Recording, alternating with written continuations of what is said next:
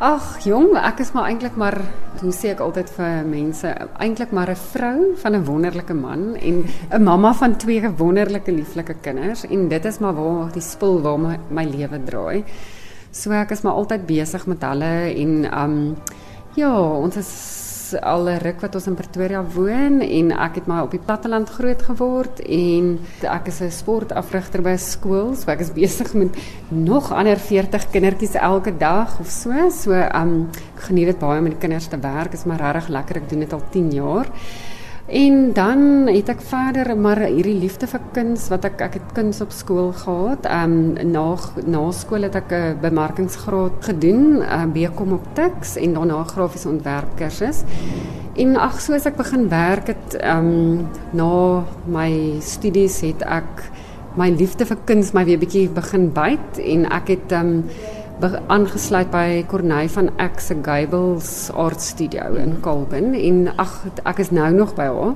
So dis nou al many moons ago, maar ek geniet dit verskriklik. Dit was my net so 'n bietjie om die stokperdjie weer aan die gang te kry en net weer 'n bietjie daai kreatiwiteit en die vloei te kry want mens raak so verstok werk met al die goedjies wat jy daarmee doen. En ek moet sê dis te, te danke aan haar dat ek dink ek is waar ek vandag is want ehm sy het my baie van hierdie goed geleer en sy is ook die persoon wat my die eerste keer bekend gestel het aan die akoestiese media. Um of eintlik meer aan baie was en ek het toe daarna belangstelling jy weet begin kry in dit om verder op te lees en ek het nogal baie op die internet en ook boeke het ek baie kennis opgedoen oor hierdie akoestiese media. Ek is baie nuuskierig oor, oor die baie was jy werk. Vinnig net gou hierdie is jou derde uitstalling by die Kunsvereniging van Dis Pretoria recht, ja. en die een sluit eintlik aan by die eerste twee ook. Vertel gou hoe pas hulle by mekaar in? Dis reg ja, Christel. Um Die eerste een was genaamd Pure en um dit het maar gegaan oor die die joy en die plesier wat jy uit die natuur kan put en die suiwer vorm wat die natuur het um en hoe jy dit kan ondersoek en in die binnekant van 'n um blomblaartjie 'n styfmeeldraadjie raak sien ag net daai mooiheid van die natuur. So dit was regtig die beginpunt van hierdie um wil ek amper sê trilogy. Ek weet nie of ek dit so kan noem nie, maar Ja, en in Perseverance was 'n uh, opvolg van hom ook, um, wat ek veral in vetplante wat dit fascineer my vreeslik. Die manier hoe 'n vetplant kan oorleef in uh, baie slegte toestande en hoe daai selfde vetplant dalk 3 of 4 maande later hierdie ongelooflike blomme kan uitstoot en hoe hulle persevereer in die natuur. Met ander woorde, hoe jy deur hierdie geharde hoe daai plantjie deur geharde omstandighede skielik hierdie fantastiese blomme kan voortbring of net weer opspruit in 'n karoo landskap waar daar niks was 2 weke terug of 2 maande terug nie en dan loop jy daai plant weer raak. So daai uithou vermoë en aanhou vermoë was waaroor my tweede uitstalling gegaan het. Um hoe die mens ook in homself moet um perseveer en uithou en aanhou en dat jy wel weer sal blom ten spyte van jou uh, swaar omstandighede wat jy dalk jou in bevind op daardie stadium.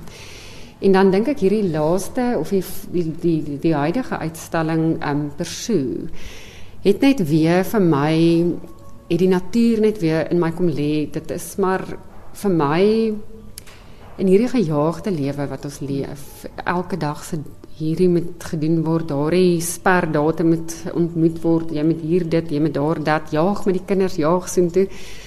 En dan is dit so moeilik om te vergeet om 'n bietjie rustig te raak en net dinge om jou raak te sien en mens soek nogal daai siele rus en rustigheid om mens en baie keer dink jy jy bly in hierdie urban jungle. Jy weet nie waar om te gaan nie, maar eintlik as jy net om jou kyk, is die natuur so ongelooflik. Dit is reg rondom ons en mens kan soveel goed daar uitput, um krag en energie en uh, wat die natuur vir jou bied. Ek dink daar is um baie studies gedoen. Ek het nogal gelees daaroor wat bewys het hoe die natuur 'n positiewe invloed het op jou sosiale, jou emosionele vlak en verhoudings met mense en ehm um, selfs soos ons almal weet vir jou gesondheid. Ehm um, so ek dink hierdie uitstalling gaan vir my daaroor ek wil die kyker herinner dat ons kan vreugde en vrede put uit die natuur deur net om jou te kyk. Het sy dit in jou eie tuin is, ehm um, buite in die Karoo vlaktes in die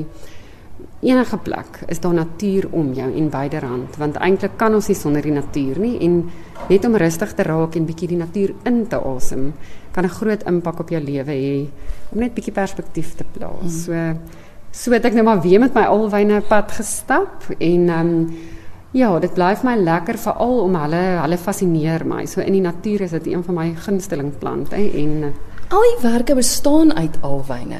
Maar dit ja. moet nogal 'n uitdaging wees om elke skildery anders te laat lyk. Ja. Want dit is dieselfde medium, maar tog blyk nie in dieselfde nie. Ja, en dit is wat hierdie plante so fantasties maak. Ek wens eintlik ek um, kon elke spesies of plantspesies wat daar is van alwyne, jy weet, op 'n doek sit. Um, maar dit gaan jou forever vat. Ehm um, Ja, maar elke ehm um, skildery is uniek. Oor baie van hulle sal jy sien het 'n ehm um, uh, langs die titel is daar 'n plek waar ek die mm. alwyn gesien het.